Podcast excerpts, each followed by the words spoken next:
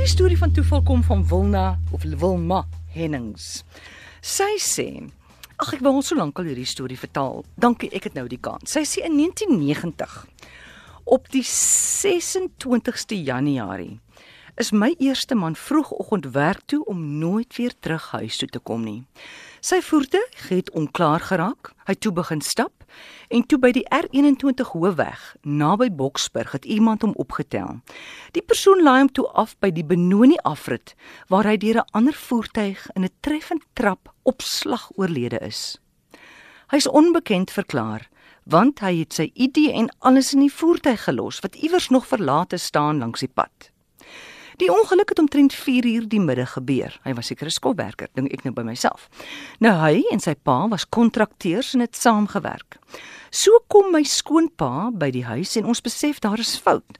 Ons begin te bel al die hospitale, polisiestasies, ons kry net mooi niks en ons begin te soek. Vanwaar die voertuig gebreek het al langs die pad verby die lughawe, help die lughawe se polisie ons nou mooi toe nou daar met ligte wat hulle nou Jy weet ons staan daar by die draad langs die lughawe. Ons sê waar hier rond, hulle kry niks nie. Amore, ons vind hom toe die volgende middag in 'n luikshuis. Wat 'n ontnugtering. Nou, die toeval by alles. Ek werk by die lughawe OR Tambo by 'n bank waar ons skofte werk.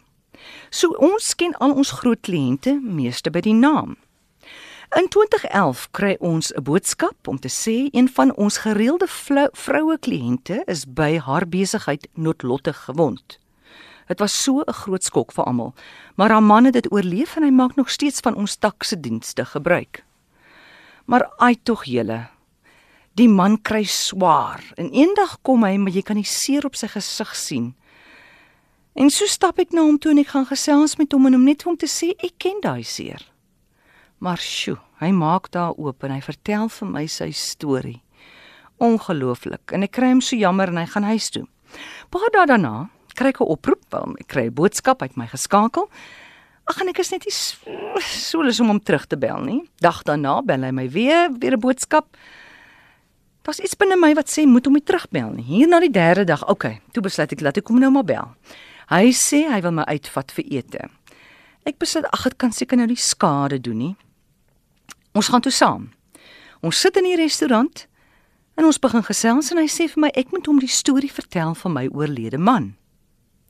Ek begin toe en hy maak my stil en hy sê vir my hy sal my storie klaar maak. Hm? Baie verontwaardig bly ek stil en toe vertel hy my. Hy was in die polisie mag daai jaar. En daai dag van 26 Januarie 1990 was hy op diens by die lughawe. Hy word toe uitgeroep na 'n ongeluk. Hy het daardie nommerplaat van die voertuig opgetel en uitgevind wie was die bestuurder van die voertuig. Gelyk soos 'n treffend trap. Later daardie aand word hy gestuur toe na die, na die grensstraat van die lughawe waar daar mense was teen die grensdraad wat gesoek het na 'n man wat nie die aand by die huis gekom het nie. Maar min het die polisie geweet, dis nou hy, die ongeluk van vroeër die middag en die mense is die onbekende man se familie. Wat 'n toeval. Daar sit ek en die man sprakeloos. Die mooi deel van alles is ek en die man het toe so lief geraak vir mekaar. Ons is getroud op 15 Desember daai jaar. En wat 'n wonderlike man was hy nie. Maar hy is toe nou Junie 2017 ook oorlede. Liefde Wilma Hennings